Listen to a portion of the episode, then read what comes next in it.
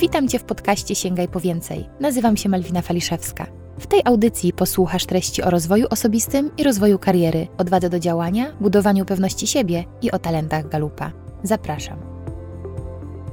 Dziś zaprosiłam do podcastu Sandrę Bichl. I słuchajcie, właśnie tuż przed rozmową się zdziwiłam, bo ja byłam pewna, że Sandra jest Polką, a Sandra jest Austriaczką.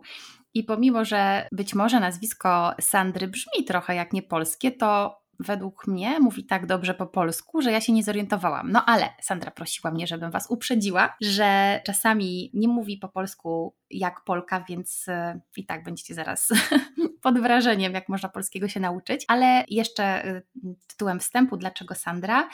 Sandra jest e, założycielką Career Angels i sama jest też doradczynią kariery. Przez wiele lat kiedyś pracowała jako rekruterka, ale to nie wystarczało Sandrze.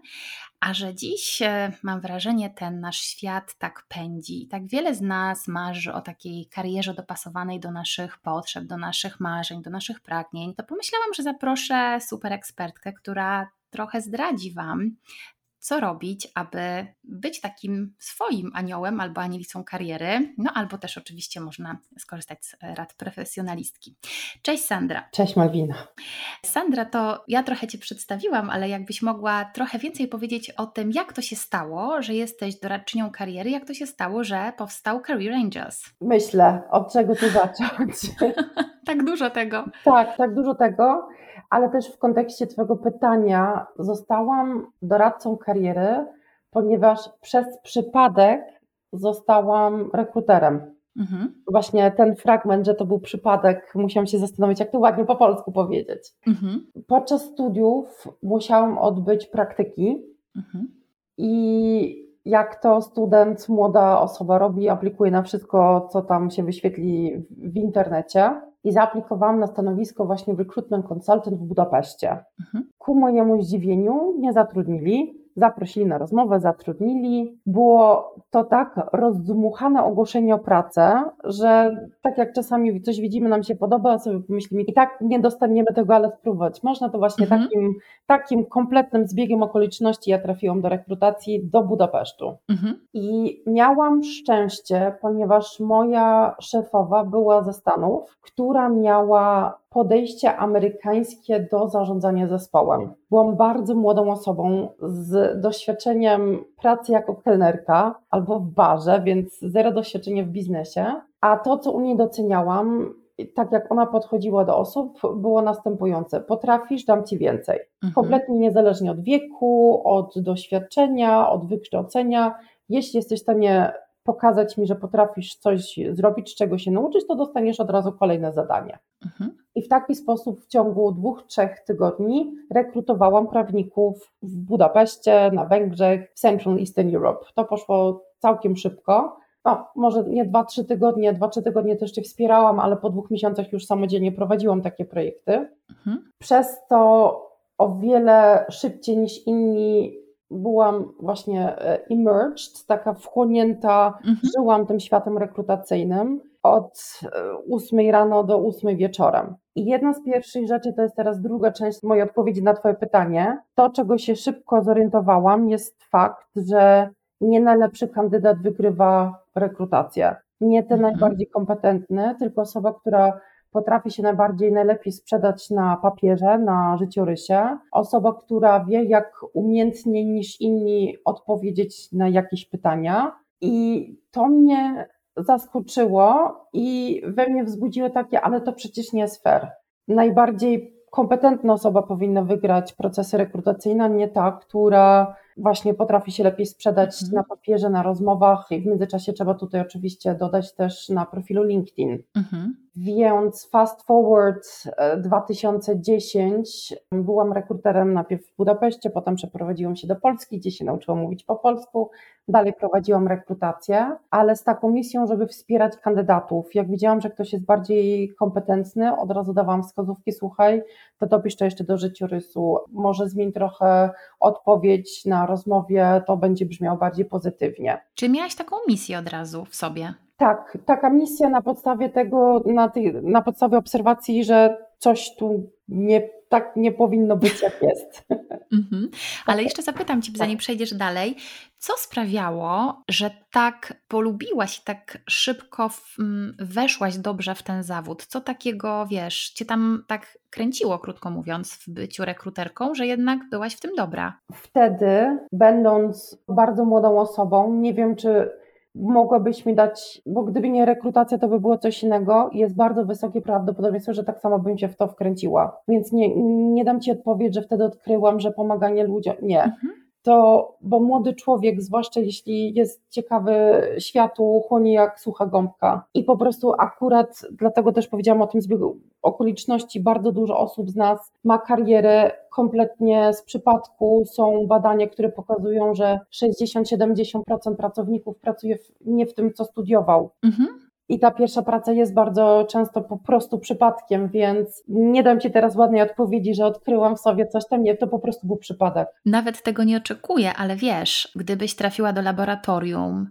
a jednak wydaje mi się, że twoja, y, nie wiem, musiałabyś nie odzywać się do nikogo, tylko raczej tam szkiełko i oko, to nie wiem, czy by cię aż tak wchłonęło, znaczy mam wątpliwości, a, ale wiesz, musiało tam coś być. Wiesz co, to cię zaskoczę, bo studiowałam fizykę, uwielbiam matematykę, oh, wow. uwielbiam tabelki Excel i analizy, więc pewnie prawdopodobnie bym wtedy została, nie wiem, szefową laboratorium i bym komercjalizowała pomysły. To jesteś Wonder Woman.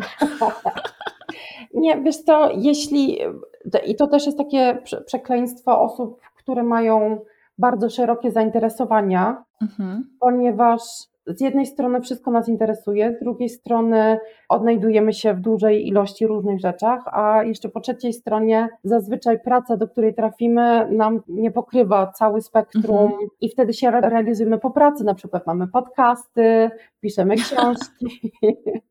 E, robimy dodatkowe studia, podróżujemy, więc nie wszystko da się pokryć w pracy i to wtedy człowiek się realizuje poza pracą. Mhm. Mhm. No dobra, to już słuchaj, rozumiem, że Twoja otwarta głowa pozwalała Ci na to, żeby robić w życiu wiele i być może to właśnie ta Twoja otwartość jest też e, odpowiedzialna w dużej mierze za to, że robisz dzisiaj to, co robisz. Ale wróćmy do tej rekrutacji i tego, kiedy byłaś jeszcze po tej drugiej stronie, czyli pracowałaś dla firmy i rekrutowałaś. To, co bardzo naturalnie zaczęłam robić, jest pomagać swoim kandydatom. W pewnym momencie zdecydowałam, że rekrutacja to nie świat dla mnie. Jest on bardzo agresywny, jeśli nawet chodzi o to, kto dostanie prowizję za to, że zdobył projekt rekrutacyjny, za placement fee, a co jeśli dwie osoby z tego samego zespołu mają relację z klientem. Jest to oczywiście nie mogę uoganiać i powiedzieć, że to jest wszędzie tak, ale potrafi to być bardzo agresywny rynek, gdzie na koniec dnia chodzi o to, żeby zrobić placement. Mhm. I po drugiej stronie, zwłaszcza rekrutując do kancelarii prawniczych, i teraz ja mówię o 20 lat temu, gdzie ten świat prawniczy e, też troszkę inaczej wyglądał niż w obecnym czasie, bardzo często kancelaria wprost mówiła: Ja po prostu potrzebuję kogoś, kto będzie pisał umowy, mnie to nie interesuje jaka ta osoba ma plany na karierę i tak dalej, po prostu ma siedzieć i pisać i to jest smutne. Mhm, mhm. Więc ja zdecydowałam, że chcę opuścić świat rekrutacyjny i poszłam de facto na studia fizyki. Okej, okay, a co było motywatorem Twoim? Chciałam spełnić swoje marzenie i stwierdziłam, bo nie, ponieważ nie zrobiłam tego od razu po maturze, stwierdziłam, że jeśli nie teraz, to kiedy, bo są też pewne momenty na to, żeby robić pewne rzeczy i to był dobry moment, miałam odłożone. Wiedziałam, że na przykład mogę uczyć niemieckiego, angielskiego podczas e, studiów i stwierdziłam, że po prostu spróbuję, żeby potem pod koniec życia, już tak dramatycznie mówiąc, nie żałować, że nie spróbowałam. Mhm. I to, co się wydarzyło, jest moi byli kandydaci cały czas pozostali w kontakcie ze mną i prosili o porady. I to mhm. się tak przez rekomendację Sandra, może pomożesz koleżance, siostrze z polecenia, a tu kolejny kandydat. I w 2010 roku zdecydowałam, że spróbuję też, potem w międzyczasie też moje studia się nie udały, bo mój polski był za słaby, zdecydowałam, że po prostu spróbuję na tym zarabiać, spróbuję wokół tego postawić metodologię, model biznesowy i przetestuję to po prostu na komercyjnych zasadach, nie tylko na podstawie mhm. rekomendacji. Tu miła koleżanka pomoże, pomoże.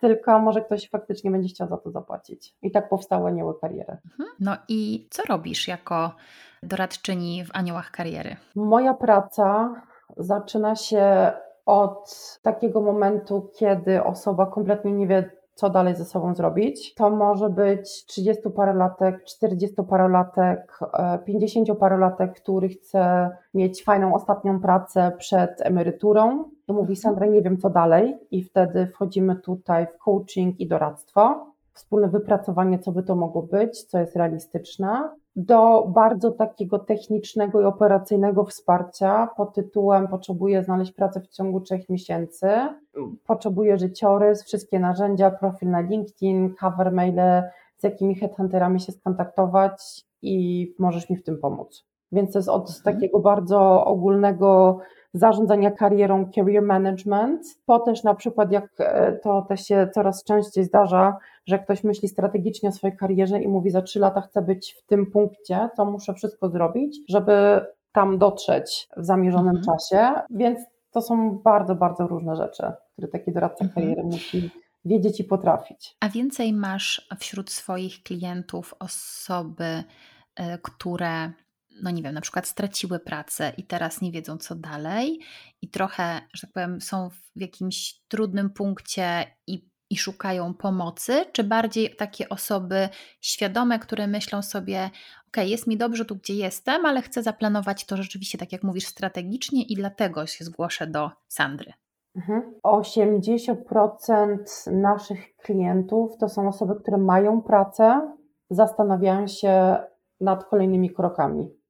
80-90%. W momencie, jak ktoś jest bezrobotny, to zazwyczaj już jest za późno, żeby się z nami skontaktować. Za późno w takim sensie, w takim mentalnym sensie, bo osoba, która nie ma źródła dochodu, nie myśli o tym, jak wydać 3, 4, 5 tysięcy złotych. To raczej, mhm. ok, co mogę zrobić, żeby właśnie nie wydawać pieniędzy. Osoby, te inne 10%, które do nas trafiają, są osoby, które na przykład od ponad roku są bezrobotne, i już zrozumieli, że bez zewnętrznego wsparcia sobie nie poradzą na rynku pracy, ponieważ on się tak diametralnie zmienił, od kiedy oni ostatni raz byli na tym rynku pracy. Więc jedna część to są osoby pracujące, które chcą albo wzmocnić swoją pozycję w organizacji i chcą awansować, potrzebują wsparcia. Są to osoby świadome, które mówią, za trzy lata chcę być w punkcie XY, co muszę zrobić, żeby tam dotrzeć są to osoby, które mówią, ok, w ciągu pół roku, roku chcę zmienić pracę, jak mogę się do tego przygotować, a pozostałe osoby zazwyczaj są to osoby, które po prostu od mniej więcej roku lub dłużej nie mogą znaleźć pracy.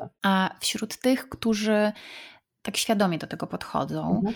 to co powoduje ludźmi, że chcą tę pracę, chcą tę karierę sobie zmienić? Jakby, jakie są te przyczyny, że im nie jest dobrze tu, gdzie są? Nie podam Ci teraz konkretnie, jaki to jest procent, ale jest to na tyle duży procent, że powiem niestety, duża część osób się z nami kontaktuje nie z powodów motywatorów wewnętrznych, tylko zewnętrznych. Chyba mnie zwolnią. Okay. Chyba firma zamknie mój oddział, chyba coś się wydarzy, więc ja chcę się zabezpieczyć, chcę stworzyć plan B, albo mhm. nawet nie plan B, tylko chcę wyprzedzić ten fakt, że mogą mnie zwolnić. Więc mhm. tu muszę, bo niestety są to w dużej mierze takie zewnętrzne motywatory, a jeśli chodzi o wewnętrzne motywatory, to jest takie powiedzenie, człowiek nie opuszcza firmy, tylko swojego szefa. Jest takie coś, mhm. prawda, kojarzysz? Tak, tak, tak, że przychodzi um, się do firmy, a odchodzi się od szefa. Dokład, o, dokładnie, tak, dokładnie. Myślę, że taka potrzeba może być właśnie, że relacje z przełożonym nie są takie, jakie kiedyś były, albo po prostu przyszła nowa osoba, z którą jesteśmy się w stanie dogadać, albo się dogadujemy, ale interpersonalnie nie zgadzamy się na przykład ze strategią, z wizją, więc to jest duży czynnik, duży powód e, chęci zmian a kolejny to jest po prostu apetyt na więcej, że chcemy się dalej rozwijać, chcemy awansować i obecny pracodawca tego po prostu nie umożliwia. Mhm. Wiem, że nie możesz zdradzić żadnych szczegółów, bo pewnie poufność Cię do tego obliguje, ale jakbyś mogła tak ogólnie może opowiedzieć o tym, jakie miałaś takie najbardziej zaskakujące na przykład zwroty w karierach swoich klientów? Gdzie to było takie zaskakujące? Nie wiem, czy o to pytasz, ale dam Ci jeden przykład. Właśnie właśnie mhm. wczoraj o tym z jakiegoś powodu sobie to przypomniałam. Był w Forbesie, polskim Forbesie artykuł na temat nowe pokolenie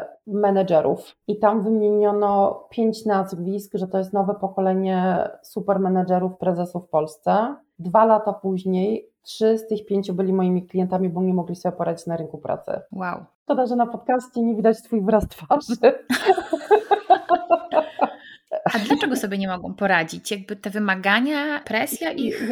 Nie, już Ci mówię. Te wszystkie trzy osoby, na przykład jednej osobie mm, się skończył kontrakt, drugiej osobie inwestor, przez to była nowa kadra zarządzająca a w trzeciej po prostu zdecydowano, że zwolnią tę osobę. I mhm. teraz do tej pory te osoby były na swoich, ja to nazywam po angielsku the curse of being too successful. Klątwa by, bycia zbyt.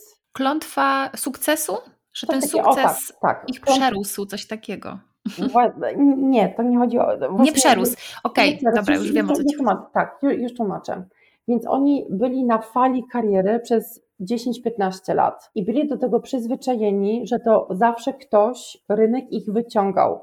Ktoś ich polecał z jednego miejsca pracy na drugie, fundusz y, chciał, nie wiem, kupić y, ich kompetencje i się przenosili osoby zarabiające 70, 80, 100, 150 tysięcy złotych miesięcznie. I przez to, że zawsze byli na tej fali sukcesu, nie zbudowali prawdziwy network, nie zadbali o swoją reputację, nie zadbali o rzetelne, dobre relacje z rekruterami, z byłymi pracownikami, bo cały czas byli na fali. I w momencie, jak to się skończyło, jeden właśnie z moich klientów po dwóch miesiącach pracy ze mną, jak już w końcu się trochę otworzył, powiedział, jest to Sandra, ja zawsze myślałam, że jestem taki świetny, że jestem takim świetnym prezesem i że mam świetny network i świetne relacje, ale wiesz co, od kiedy straciłem pracę jako prezes, telefon przestał do mnie dzwonić. Ja teraz rozumiem, że moje relacje to nie były moje relacje, tylko to były relacje związane z moim stanowiskiem. Mhm. I wiem, że to muszę zmienić. A to jest takie trochę smutne, że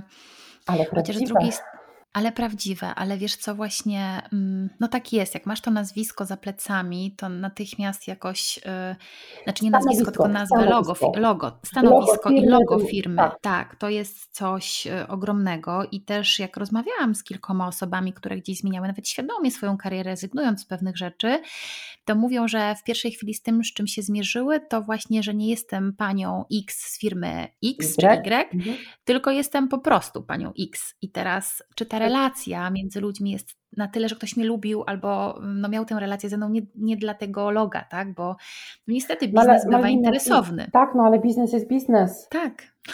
Bardzo no dużo dobra. osób sobie właśnie o tym kompletnie zapomina. Będąc w firmach znanych, myślą, o patrz, jak jestem świetna, ale de facto to nie, jeśli tak wprost mogę, to nie ty jesteś świetny, tylko firma, która jest logo na twojej wizytówce. I dlatego się ludzie tobą no, interesują. No tak, ale wiesz, ja zawsze tak myślę, że w tym wszystkim trzeba być człowiekiem, a jak o tym zapominamy. I teraz to jest ważne. To, co powiedziałeś, to jest właśnie istotne.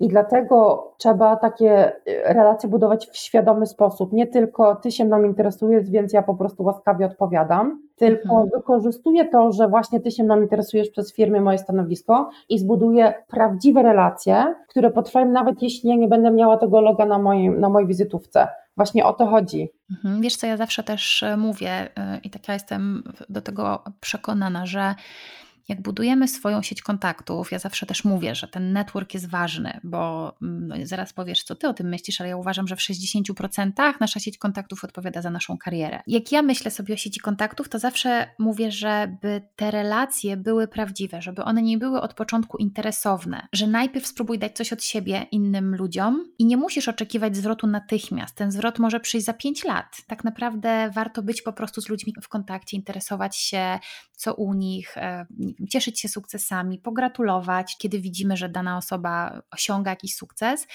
i że czasami początkowo nawet możesz nie wyobrażać sobie, że kiedykolwiek te wasze relacje spotkają się takim stricte biznesowym charakterze, bo być może na początku się po prostu lubicie. E, ale jeszcze zawsze mówię, że też tą siłę swojego networku można zbadać w taki sposób, że właśnie gdy stracisz pracę, to czy możesz od razu przywołać w głowie 5-10 osób, które by cię zarekomendowały tak po prostu z czystego serca do nowej pracy. I taka jest moja wersja networkingu i tego, jak się buduje sieć kontaktów, ale chętnie dowiem się, jak ty na to patrzysz. Ja się tylko z tobą mogę zgodzić. to jest ta umiejętność budowania relacji, ten, z jednej strony to jest umiejętność, z drugiej strony jest to też, trzeba mieć, e, po angielsku e, się mówi intent, trzeba mieć zamiar. Tak, trzeba mieć zamiar, żeby to robić. To też oznacza, że w swoim bardzo wypełnionym kalendarzu należy znaleźć pół godziny tygodniowo, godzinę tygodniowo, żeby taką celowość, ten intent, żeby powiedzieć i to jest mój czas, żeby się komuś przypomnieć, żeby komuś podziękować, żeby komuś pogratulować a dużo osób tego nie robi, bo jest właśnie w takim autopilocie swojego kalendarza, autopilocie codzienności, autopilocie kariery. I takie rzeczy odkładamy na później, tak jak mówi to Stephen Covey, tak, skupiamy się na tym, co jest pilne, a to są rzeczy, które nie są pilne, ale są ważne, ważne. i przez to w priorytecie gdzieś spadają i dużo osób po prostu o tym wtedy zapomina, nie robi to na bieżąco i wtedy się budzą pewnego dnia i mówią, nikt do mnie nie dzwoni, nikt mi nie pomaga. Mhm, no, to prawda. A powiedz jeszcze, Sandra, zanim jeszcze zadam Ci kolejne pytania, bo już mam ich e, tutaj e, z tyłu głowy dużo. Kto częściej jest Twoim klientem? Czy więcej jest kobiet, czy mężczyzn? Pół na pół. Pół na pół. A czy zauważyłaś, że mają inne wyzwania, z którymi przychodzą? Tak, nie, bo to nie jest takie proste. Mogę Ci bardziej powiedzieć, co obserwujemy, co ich zazwyczaj różni. Mhm. To, co z kobietami częściej musimy robić, jest wzmocnić pewność siebie. Mhm. Jak mamy, bo wyzwania każdy ma te same, tak? To jest ten sam rynek pracy, te same ATS-y, te same techniczne wyzwania i szukanie słów kluczowych i LinkedIn algorytm. To jest to samo mhm. dla wszystkich, czy kobiety, czy mężczyźni. Ale jest jedna taka duża różnica, znowu to jest uogólnienie, i, ale to jest zauważalna różnica, jak mężczyzna zobaczy ogłoszenie o pracę, gdzie jest 10 wymagań i mężczyzna spełnia 5-6, mówi, o patrz, jaka fajna praca, Sandra pomóż mi tam się, za, żeby zaaplikować. Kobieta zobaczy to samo ogłoszenie, pokazuje mi ogłoszenie, mówi Sandra, wiesz to przeanalizowałam, spełniam 8,5 punktów, powiedz mi, co jeszcze mogę zrobić, żeby to było 10 punktów, żeby jak następnym razem otworzą tą rekrutację, żeby mogła za pół roku albo roku zaaplikować. I tutaj jest taka stanowcza różnica, że kobiety trzeba zachęcać, żeby właśnie bardziej odważnie aplikowali, próbowali się, starali, albo nie wiem, mieliśmy klientkę, która była dyrektorem finansowym, przez półtora roku prezesem, na jakie stanowisko szukała pracy? Na dyrektora finansowego. Dlaczego? Bo przecież ja byłam prezesem tylko półtora roku, to się, to tak nie wiem, nie wiem czy wypada. No. Ciągle nas to, znaczy w ogóle mnie nie dziwi to, co mówisz, zawsze też e, to obserwuję, nawet powtarzam i jeszcze jak to słyszę od Ciebie, kiedy tak naprawdę pracujesz z tymi kobietami i naocznie, że tak powiem, namacalnie czujesz ten problem, tak jest, tak jest i wciąż chcemy być gotowe na 100%, zamiast wystarczająco dobre i aspirujące. I nawet nie wiem, czy pewnie się z tym spotkałaś, że kobiety częściej w ogóle awansuje się za osiągnięcia, a mężczyzn za potencjał do roli. Jesteś drugą osobą, która mi to powiedziała w ciągu 10 dni. Ja nie wiem, czy ja się z tym zgadzam, wiesz? No wiesz, może y, właśnie ciekawa jestem, jaki jest Twój punkt widzenia, bo być może to wynika z tego, z powodu tej pewności siebie, że to jest z tym połączone, mhm. nie? Że na przykład, okej, okay, ja, skoro sama mówisz, że kobiety najpierw muszą udowodnić, że już to umieją, no ale no to sobie, może nie innym. sobie, ale wiesz co jest, podświadomie mogą się sabotować, mówić takie rzeczy, no nie wiem, no nie wiem, albo się wiesz, usprawiedliwiać, a, a być może mężczyzna, który wierzy naprawdę w to, ma takie przekonanie, że się nadaje, no to sama powiedziałaś na początku, że dostają pracę ci, którzy potrafią się sprzedać dobrze mhm. na rozmowie. No ale powiedz, jak ty to widzisz? Patrząc na ostatnie półtora roku, zaczęło się to już jakieś 2-3 lata temu, ale przede wszystkim czas pandemii półtora roku Firmy ogólnie potrzebują kandydatów, którzy nie stanowią ryzyka. Hmm, co to znaczy? To oznacza, że szukają takich kandydatów tak zwanych plug and play. Już kiedyś dostarczył, dostarczy jeszcze raz. Mhm. Więc szukamy osób, które po prostu będą takim perfect fit. To są osoby, które to, co na tym stanowisku jest wymagane, już w dużej mierze, najlepiej w całości, już kiedyś zrobili. Mhm. Tu nie ma obszaru, tu nie ma możliwości zrekrutowania kogoś na podstawie potencjału. Dam mu szansę, dam jej szansę, tylko kandydat musi być gotowy. Mhm. Tak samo przez ostatnie półtora roku przyspieszył się aspekt wdrożenia albo korzystania z ATS-ów. Program, który porównuje słowa kluczowe z ogłoszenia ze słowami kluczowymi w życiorysie. Tam nie ma mhm. miejsca na potencjał. Mhm a 60-70% ogłoszeń o pracę na menedżerów i executives ma ten soft. Mhm. Jest przeprowadzony przez software, a nie przez człowieka. Więc jak dla mnie, bo coś innego jest jeszcze może wewnątrz organizacji. Tak, być może to są te badania. To może być wewnątrz organizacji, gdzie tu dużo jest właśnie o tym, jak się prezentuje pewność siebie, tu mogę się z tym zgodzić. Ale jeśli chodzi o ten prawdziwy rynek,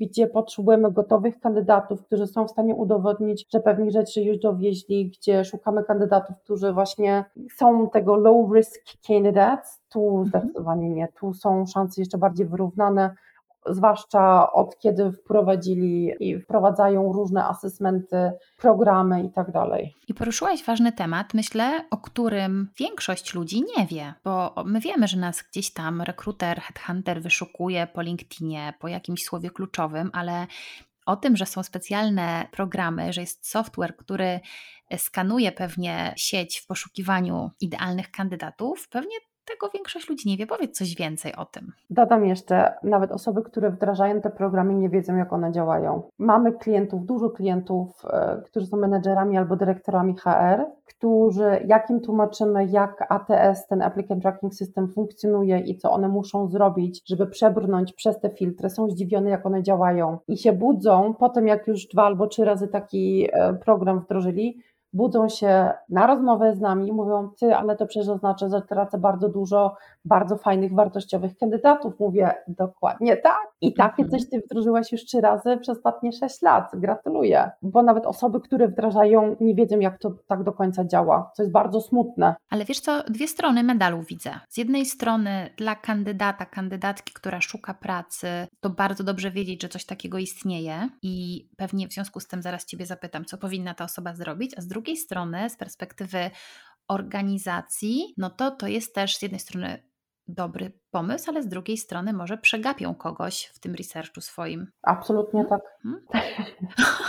No dobra, to, y, to, to zacznijmy od tego, jakby z perspektywy kandydatów. Co to oznacza? Powiedzmy, że szukam pracy dzisiaj i chcę y, znaleźć y, nowe zajęcie i chcę wyjść aktywnie. Jestem, nie wiem, ktoś sobie myśli, ok, mam dobrą pozycję, dobre stanowisko, generalnie pewnie powinni mnie szybko znaleźć albo nie będę miała problemu. To co ja powinnam zrobić ze swoim CV czy ze swoim, nie wiem, LinkedInem, żeby zwiększyć swoje szanse? Dobrze, więc jeśli osoba chce, żeby pasywnie zostać zauważonym, mhm. to CV na tym etapie jest nieistotny, bo życiorys mamy u siebie na komputerze gdzieś. Mhm.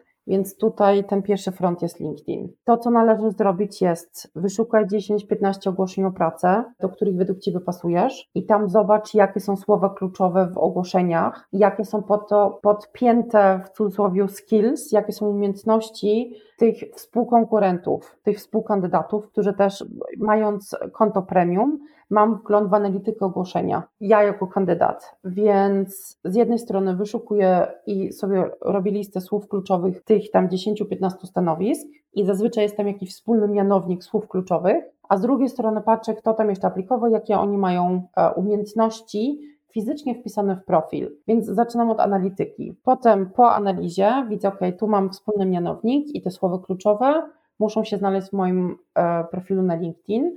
Tak samo patrzę umiejętności, które są oceniane, tak samo wracam do profilu na LinkedIn i je dodaję. Mhm. Tak przyszło mi do głowy, że z jednej strony to jest super sprytne, bo zwiększa moje szanse, ale z drugiej strony no może być to taki fake, że na wpisuję sobie tego, co jest w słowach kluczowych, mimo że tych umiejętności nie mam albo posiadam tylko połowę z nich. Mhm. No dobra, czyli wyżej pod... No tylko, nie, znaczy, ale, no... to, ale to jest tak samo, oczywiście, że tak, ale takie rzeczy mają krótkie nogi, bo jeśli potem w życiorysie to się nie odzwierciedli albo w pierwszym krótkim, 10-minutowym telefonie, to i tak ta osoba wypada z procesu rekrutacyjnego. To ma krótkie nogi, jeśli to nie jest prawdą, oczywiście. Okej. Okay. Czyli generalnie to jest coś, co zwiększa moje szanse na to, że w ogóle ktoś do mnie zadzwoni, a potem no to już muszę to udowodnić, więc tak. można tak na to spojrzeć. Taki element, nakładka PR-owa. Tak jest. A tutaj, jeśli chodzi o tą analizę, ogłoszenie o pracę, słowa kluczowe, skillsy, to jest bardzo mechaniczne, to jest bardzo analityczne, bo po prostu trzeba zrozumieć, jak działa algorytm i jak działają filtry. Tak samo trzeba się zastanowić na początku, co musiałby wpisać rekruter, researcher, pola na LinkedInie, żebym ja była w wynikach wyszukiwania i zrobić mhm. po prostu to ćwiczenie. Tak samo wszystkim polecam zrobić ćwiczenie na podstawie określenia, z kim współkonkurujemy, na ile lepszy musi być mój profil niż ile innych osób. Jak patrzymy, mhm. nie wiem, dyrektor finansowy Polska, to widzimy, że jest kilkanaście tysięcy osób, co znaczy, że co, co muszę zrobić, żeby być pierwszych dziesięciu stron wyszukiwania, a nie na samym końcu. Mhm. Wiesz, myślę, że większość ludzi nie ma takiej świadomości, że to jest aż tak i pewnie nie dowiadują się, gdy nie muszą szukać pracy. Więc rozumiem, że to robicie ze swoimi klientami, Oczywiście, czyli dbacie o, tak. dbacie o tę analitykę. I później, czym jeszcze się zajmujecie, o co jeszcze dbacie, żeby sprawić, że ten kandydat czy kandydatka no, osiągną sukces i tę pracę znajdą? Albo w jakim czasie to się ma zadzieć? Jest to wszystko, co może sobie wyobrazić, coś z tym związane. To jest na przykład pierwszy to jest LinkedIn. Potem, jak już na przykład ktoś nas znajdzie, bo Twój przykład był ten, jak ktoś pasywnie, tak? Ale też są osoby, osoby, które nie chcą czekać, aż ktoś się z nimi skontaktuje, tylko chcą proaktywnie wyjść na rynek pracy. Trzeba się zastanowić, z jakimi headhunterami się skontaktować. Co do takiego headhuntera napisać, nawet co napisać w temacie maila, żeby ktoś nie skasował po prostu maila co mhm. napisać w mailu, co napisać w życiorysie, bo szukanie pracy, ja to czasami porównuję do e, gry komputerowej. To są pewne levele, które trzeba odblokować. Mhm. Więc to, co napiszę w temacie maila, to nam odblokuje level przeczytaj mail. Mail odblokuje życiorys. Życiorys e, odblokuje opcję, że ktoś do nas zadzwoni. To, co powiemy przez te 10-15 minut przez telefon, nam odblokuje opcję pierwsza rozmowa. W jaki sposób się przedstawimy na pierwszej rozmowie, nam da szansę na drugą rozmowę. Robimy i przygotujemy naszych klientów na prezentację zarządem, gdzie na przykład mają tą na assessment centery, na nie wiem, testy próbne, żeby się zaprzyjaźnili albo w ogóle zapoznali różnymi narzędziami, więc wszystko, co może sobie wyobrazić, jeśli chodzi o fakt szukania pracy albo zarządzania karierą, my w tym obszarze działamy. Mhm to mm, nie będę może wyciągać od ciebie wszystkich Twoich tajników, bo w końcu jesteś ekspertką i, i, ta Twoja wiedza jest cenna, ale może mogłabyś powiedzieć, jakie najczęściej błędy popełniają ludzie, mm, szukając pracy, albo właśnie jaki nagłówek na pewno nam zaszkodzi w mailu. To z tym nagłówkiem to może to jest inny, inny temat, bo musimy zacząć od życiorysu i tak dalej, ale Myślę, że są dwie rzeczy. Jedna taka największa rzecz i to można dużo, dużo, dużo działań można wrzucić w szufladę brak przygotowań. Brak przygotowań pod, na każdym takim etapie, o którym rozmawialiśmy życiorys nie jest do końca przygotowany, profil na LinkedIn ma błędy literówki, jest nieprzygotowany, bo nie doszło do analizy. Brak przygotowania do rozmowy, odbieranie telefonu od rekrutera i rozmowy w supermarkecie, gdzie jestem, nie wiem, na zakupach z trójką dzieci. Rozmowa z rekruterem w trakcie jazdy samochodem. To jest brak przygotowania, bo mogę powiedzieć dziękuję za telefon, czy możemy porozmawiać za 10 minut, muszę zaparkować. Mhm. Przecież my też nie musimy, bo wiesz, myślę, że to może wynikać z takiego, z takiej, takiego przerażenia, że ojej, dzwoni do mnie ten rekruter oczywiście, że tak. Oczywiście, i ja już mam swoją szansę i muszę ją wykorzystać, ale przecież myślę, stawiajmy się po partnersku Oczywiście, i możemy dokładnie. powiedzieć komuś, nie mogę teraz rozmawiać. Dokładnie, plus nawet jeśli możemy rozmawiać, powinniśmy powiedzieć, nie mogę rozmawiać,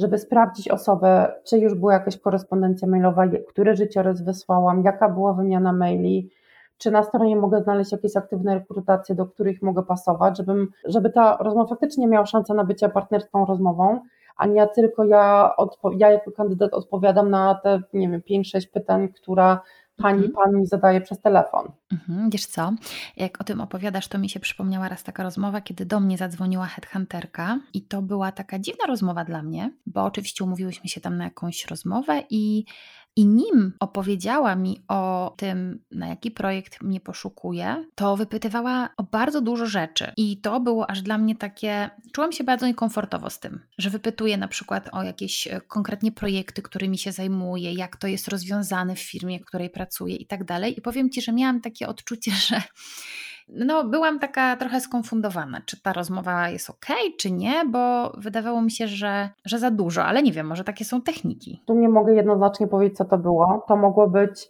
faktycznie, żeby zweryfikować, że faktycznie masz te kompetencje i mhm. faktycznie mhm. naprawdę pracowałeś przy danych projektach, albo kto do kogo raportował, ponieważ będzie to ważne w tym nowym mhm. miejscu pracy, ale tak samo jest to możliwe, że klient płaci też między innymi za wiedzę, jak to w konkurencji jest rozwiązane. Mhm.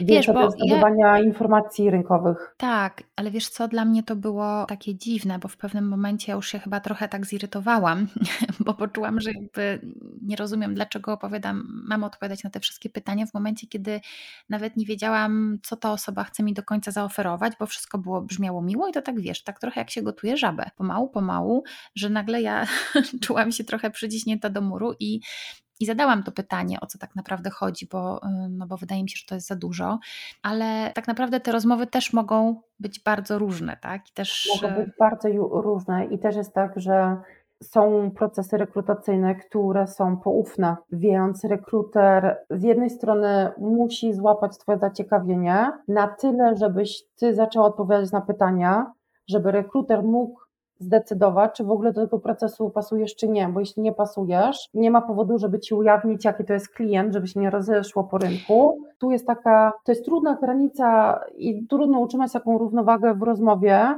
ze strony rekrutera, żeby właśnie nie przegląć, także tak jak ty się czułaś, mhm. on wypytuje, wypytuje, ale nawet nie wiem o co chodzi. To są trudne rozmowy, absolutnie. Mhm, I dla tak. rekrutera i dla kandydata, żeby w pewnym momencie powiedzieć, ej, ale o co, o co w no ogóle chodzi? No właśnie, nie wiem, może jakiś taki wstęp nawet y, mówiący o tym, że zadam pani kilka teraz pytań, ale za chwilę przejdę. Trochę uprzedzenie tego, co się mhm. zadzieje, bo, bo to było dla mnie dosyć zaskakujące. No i pewnie bym się inaczej czuła, tak? Rozumie, rozumiejąc, dlaczego te wszystkie pytania są mi zadawane, albo bym zdecydowała, czy w ogóle chcę brać w tym udział, tak? E, być przepytywana aż tak mocno. No ale tak jest. Zwykle ludzie się cieszą, jak do nich e, headhunter dzwoni, tak myślę. Tak, tak, absolutnie. Mhm. Zaczęłyśmy mówić o tych błędach, tak, czyli mamy to. Mhm, brak I przygotowania. brak przygotowania też w pewnym sensie um, 30-40% kandydatów nie stawia się na rozmowy kwalifikacyjne. Serio?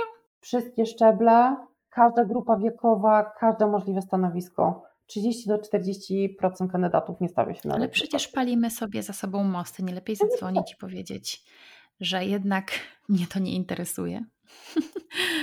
Co ja mam powiedzieć? Tak, takie są po prostu statystyki. Nawet na przykład u nas, jak my rekrutujemy do Career Angels, um, 20-30% HR-owców nie przychodzi, nie stawia się na pierwszy termin, który sami zaproponowali. To ciekawe. To jest bardzo czyli... ciekawe, znowu bardzo smutne, bo tak nie powinno być. Więc ten, ten taki największy punkt jest brak przygotowania, brak też takiego strategicznego przygotowania, bo w rozmowie rekrutacyjnej nie chodzi tylko o to, żebym wiedziała, jak odpowiedzieć na pytanie, jakie są Pani trzy mocne strony, jakie są słabe strony, gdzie Pani się widzi za pięć lat i tak dalej, tylko żeby odpowiedzieć w sposób sprofilowany z perspektywy osoby zadającej mi pytania. Trochę coś innego chce usłyszeć prezes, który ma na przykład ostatnie słowo i coś innego chce usłyszeć e, dyrektor HR. Więc to przygotowanie nie jest tylko technicznie, mam włączony laptop i wiem, jak odpowiedzieć na standardowe pytania, tylko tak jak strategicznie odpowiadać i tego przygotowania bym powiedziała, na różnych etapach brakuje w 90%. Ludzie mhm. mogliby o wiele szybciej i o wiele bardziej efektywnie znajdować pracę, gdyby faktycznie się przygotowywali. I powtarzam to regularnie, dorosły człowiek lepiej się przygotowuje do urlopu, do wyjazdu niż do szukania pracy i własnej kariery. Mhm. To ciekawe, co mówisz. A wydawałoby się, że już wszystko na ten temat zostało powiedziane i z jednej Ale strony. To znaczy, że zostaje wykorzystane. No właśnie o tym mówię, że powiedziane niby wszyscy wiemy, a później się okazuje, że, e, że jednak e, gdzieś tam jesteśmy wszyscy tymi szewcami, którzy bez butów chodzą. Ale każdy z nas potrafi doradzać, mówić jak być powinno. I to też zwłaszcza przez ostatnie pięć lat, e, od 2016 roku rynek pracy się bardzo zmienił przez technologię. I teraz ten drugi błąd, który dorośli, którzy są aktywnie na rynku pracy robią, jest zbyt szybka rezygnacja z powodu myśl, to pewnie ja. To jest, ja mam 50 plus, dlatego nie. Dlatego nie mogę znaleźć pracy. Jestem kobietą, dlatego mnie nigdzie nie zapraszają. Więc takie. Przekonania. Przekonanie, bo tak jest łatwiej, ale z drugiej strony jest też tej, ten brak świadomości, bo prawdziwe źródło niepowodzenia nie jest wiek, nie jest płeć, tylko fakt, że po prostu rynek pracy się zmienił. I zamiast mm. powiedzieć, okay, co mogłabym zrobić inaczej, jest łatwiej powiedzieć, a to pewnie 50, plus, albo o to pewnie, bo jestem kobietą i nikt nie chce kobiety. Czyli to jest taki autosabotaż, który uprawiamy, albo dobra wymówka, ale też po prostu taka, też to może być, ale też po prostu brak świadomości wiedzy na, ten, na temat tego, jak mocno się rynek pracy zmienił, bo nie mogę oczekiwać, że szukam pracy w sposób jak, nie wiem, 15 lat temu versus teraz, no po prostu świat jest inny, technologia jest inna, podejście jest inne, na przykład ATS-y, jak ktoś wysyła dwukolumnowy życiorys na ATS, no to obojętnie czy ma 30 lat, czy 25, czy 60, nie zadziała po prostu. Mhm. A co to znaczy ten dwukolumnowy um, CV? Że co, że w dwóch kolumnach są zapisane rzeczy? To jest jakiś taki trik? Um, to są na przykład jedno z najbardziej um, polecanych wzorów na życiorys. Ma dwie kolumny. Jest graficznie bardzo ładnie to wygląda. Masz na górze taki zazwyczaj zdjęcie, dane kontaktowe i potem po lewej jest jakaś informacja, tak, nie wiem, tak na 5-6 centymetrów, a potem jest druga, druga część informacji, a przez to, że to jest w tabelkach, w blokach i tak dalej, programy, software'y, które są w tych um, wszyte w te zakładki kariera, nie są w stanie czytać tą informację. Więc kandydaci z nieodpowiednio przygotowanymi życiorysami od razu są na przegranej pozycji. I na tym tracą kandydaci, ale na tym też tracą firmy, bo nawet nie widzą tych życiorysów. Okay. 75% Czyli... życiorysów, które są wgrane na zakładkę kariera albo na ATS-y, nigdy nie są, zostaną zobaczone przez człowieka. Hmm, ciekawe, co mówisz, czyli, czyli co, nam się wydaje, że mamy takie fancy CV, bo jest takie piękne graficznie w dwóch kolumnach i w ogóle, a tymczasem okazuje się, że lepiej mieć bardziej klasyczne CV? Tak jest. Hmm, ciekawe. Jest jeszcze jakiś trzeci najczęstszy błąd? Trzeci trochę jest wszyte w pierwszy i to może nie szukanie pracy, tylko ogólnie jeśli chodzi o karierę, takie bycie na autopilocie, takie nie zastanowienie się, co ja w ogóle chcę, gdzie ja chcę być faktycznie za 2, 3, 4 lata, czy to, co obecnie robię, mnie w ogóle kręci i daje satysfakcję. Mhm. Dlatego powiedziałam na początku, że niestety często zewnętrzne motywatory wpływają na to, że się nad czym zastanawiam i to według mnie też jest w pewnym sensie błąd, bo nie powinno coś się musieć wydarzyć w życiu, w firmie, w otoczeniu, że powiedzieć, a co ja tak naprawdę w ogóle chcę. Mhm. No a to jest to, co, to, o czym teraz mówisz, to jest to, z czym do mnie się na przykład e, klienci zgłaszają, z takim poszukiwaniem swojej motywacji na coaching, z takim odnalezieniem to, co jest tak naprawdę moje, bo, bo o tym też gdzieś w pewnym momencie ludzie myślą. Pewnie nie w momencie, kiedy stracili pracę i w popłochu szukają zajęcia, żeby też się utrzymać, ale w momencie, kiedy na przykład dopada ich wypalenie zawodowe albo czują, że już niedługo nie wytrzymają, mhm. robiąc to, co robią. I chciałam się Ciebie też zapytać, czy przychodzą też klienci, klienci, którzy myślą o zmianie w ogóle branży. Wiesz, nagle, wiesz, finanse na komunikację, no rzucam teraz, ale w takich case'ach też się specjalizujecie? Tak. Mhm. To jest trudniejsze, łatwiejsze? Jakby wiesz, to jest w ogóle możliwe, żeby aż tak się przekwalifikować? Wszystko jest możliwe z odpowiednim przygotowaniem i ze świadomością, co trzeba wszystko w to włożyć. Zazwyczaj taki proces trwa od roku do dwóch lat. Mhm. I teraz, jak ktoś przychodzi z pomysłem na rewolucję, zamiast powiedzieć tak, dobrze, będziemy Cię wspierać w tym procesie, badamy dlaczego. Mhm. I 90% osób, jak już trochę na tym usiądziemy i porozmawiamy o tym dlaczego, się okazuje, że jest to tymczasowe, chodzi de facto coś innego, można to załatwić job craftingiem, znalezieniem czegoś dodatkowo poza pracą, zaangażowanie się dodatkowo w ramach firmy w coś, in... w coś innego. Tak, dziękuję. Więc 90% takich procesów kończy się na tym, że robimy job crafting. Hmm? Powiedz, co to jest job crafting, bo może nie wszyscy wiedzą. Job crafting jest so, poukładanie sobie swojego życia zawodowego, swoją, swoją pracę w taki sposób, żeby w miarę możliwości wyeliminować rzeczy, które nas frustrują i zastąpić e, to takimi zadaniami, projektami, które nam dają większą satysfakcję. Mhm. Więc 90% deklarowanych ja potrzebuję zmienić branżę, pójść pracować do fundacji, kończy się na tym, że nic się nie zmienia drastyczny mhm. sposób, ale robimy mały tam fine-tuning. 10% tych osób, które faktycznie potrzebują większą zmianę, wtedy patrzymy dobrze, to zweryfikujmy, zanim przystąpimy do działań, zweryfikujmy, czy to na pewno jest to, co chcesz. I organizujemy, mieliśmy klientkę, która bardzo chciała przejść z marketingu do HR-u. Mhm absolutnie do zrobienia. Pracowała z kimś, kto jej pomagał, była sfrustrowana, bo przez rok nie mogła nic znaleźć. Powiedziałam, pomogę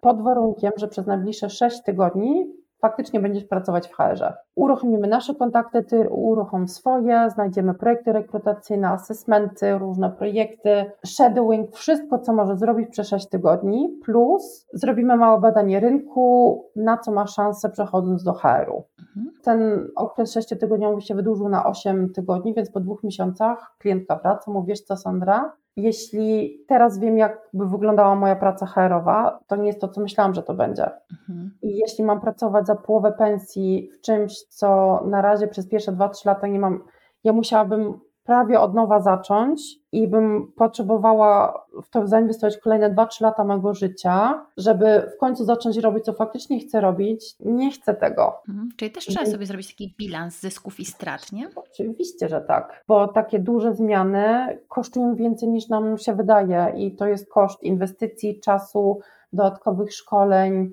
e, koszt zmniejszonego zarobku i też mhm. nie wszyscy są na to gotowe i potem zostanie gdzieś jakieś, nie wiem, 3, 4, 5%, które faktycznie są zdeterminowane i którzy po tych dwóch, roku, dwóch latach są o wiele bardziej zadowoleni, spełnieni i w ogóle nie żałują tej zmiany, bo była od początku w dobry sposób, rzetelnie zweryfikowana, przygotowana i osoba dokładnie wiedziała, w co się pakuje, jeśli to tak kolokwialnie mhm. mogę powiedzieć. Wiesz, no to jest wyjątkowa sytuacja, właśnie korzystając na przykład z takiej Waszej pomocy, no można na przykład, pewnie jesteście w stanie pomóc w zorganizowaniu takiego job shadowingu, czyli żeby też wszyscy wiedzieli o co chodzi, czyli de facto nie pracujesz faktycznie na projekcie, ale spędzasz czas z osobą, która w tej pracy jest ekspertem i po prostu towarzyszysz jej w w jej pracy. Takie rzeczy robi się, nawet nie wiedziałam, że przy takich e, projektach, o jakich mówisz, ja znałam ten job shadowing w takich sytuacjach, kiedy na przykład dla młodych top talentów e, oferowało się job shadowing ze starszymi, bardziej doświadczonymi osobami, po to, żeby no, e, zobaczyły, jak pracują, żeby się tutaj wzmocniły, zobaczyły, co mogą robić lepiej, ale to super, o czym mówisz, taka opcja shadowingu, po to, żeby się przekonać, czy mnie to kręci nadal. A jeszcze powiedz o takiej rzeczy, która też wszystkich na pewno interesuje, czyli wynagrodzenie, bo to jest jest też ten nieodłączny temat szukania pracy. Czy Wasze wsparcie też e, i Wasza mm, wiedza również zawiera ten element takiej, na jakie pieniądze może liczyć w danej firmie, w jakiej branży i tutaj też wspieracie, czy, mm, czy raczej to już jest preferencja danej osoby? Absolutnie wspieramy. Mhm. To jest tak samo na pierwszej rozmowie, my zaczynamy naszą potencjalną współpracę od konsultacji kariery 30 minut. I tutaj między innymi pada pytanie, ile chciałbyś zarabiać na danym stanowisku. I jeśli z naszej wiedzy wynika, że to jest za dużo albo za mało, od razu też weryfikujemy, słuchaj, ale realia nam pokazują, że raczej poruszamy się w takich wydełkach. To, co ty oczekujesz, może być tak 10-20% nad średnią rynkową. Więc to też jest na przykład taki element albo taki y, czynnik, żebyśmy my też mogli zdecydować, czy daną osobę jesteśmy w stanie w ogóle wesprzeć w szukaniu mhm. pracy, bo jeśli ktoś nie ma realistycznych oczekiwań, albo nie jest w stanie dostosować swoje oczekiwania finansowe, albo jak dane stanowisko ma się nazywać, też mówi, wiesz co, to niestety nie, nie będziemy Ci w stanie pomóc, bo jest na to, nie wiem, 5% szansy. Mhm. A częściej przeszacowują klienci, czy nie doszacowują swoich wynagrodzeń?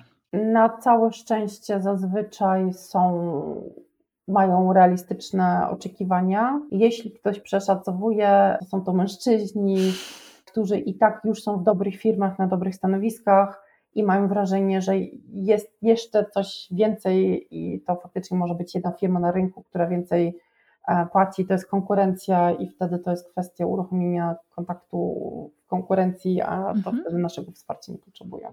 Mhm. A ludzie mają takie przekonanie, że mogą negocjować, czy, y, bo ja się znowu z tym spotkałam, że kobiety mniej negocjują na y, rozmowach o pracę, częściej tak. zakładają, że i celują w niższe widełki, a i nie zakładają w ogóle tej, tego momentu negocjacji, tego, że można tutaj podyskutować, prawda? Mhm, absolutnie.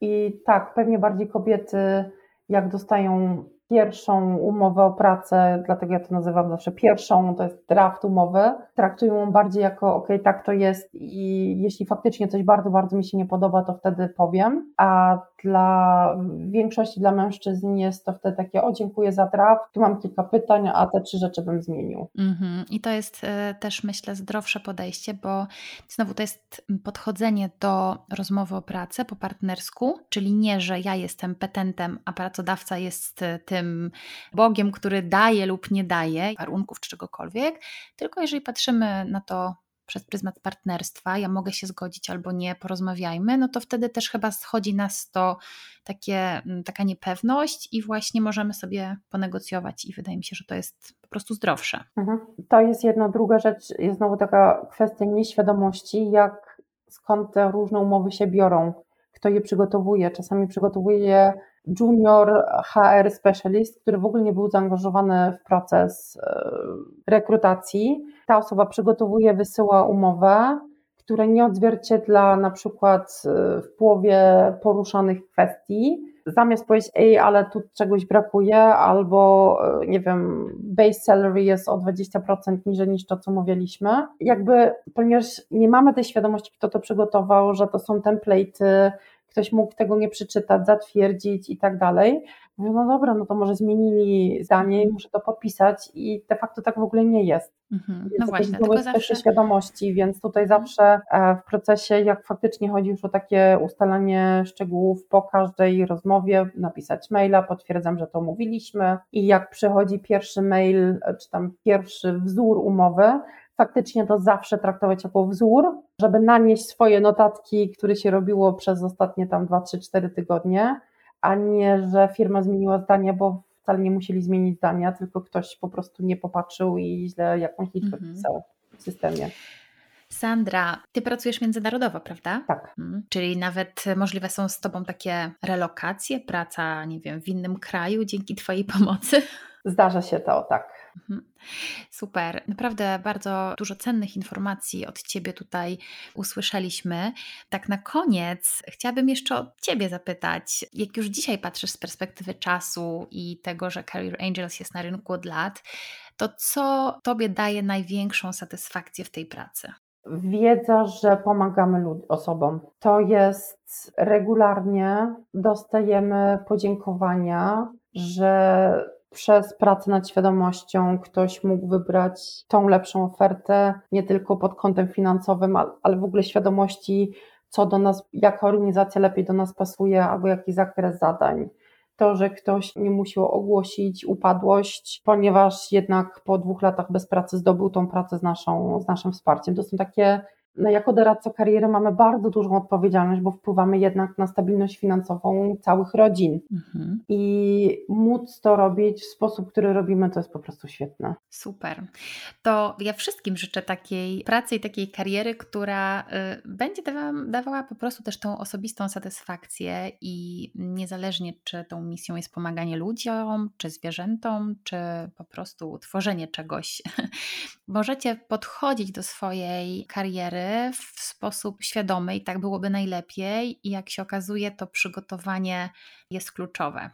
Dziękuję Ci, Sandra, bardzo za rozmowę. Ja też bardzo dziękuję za zaproszenie. A Was zapraszam do słuchania kolejnych podcastów, no i wzięcia sobie do serca Rady Sandry, jeżeli rzeczywiście planujecie jakąś zmianę, czy też rewolucyjną, czy mniej rewolucyjną. Cześć! Jeśli podobał Ci się ten odcinek, udostępnij go znajomym. Zasubskrybuj mój kanał, jeśli chcesz być na bieżąco z tematami, które poruszam.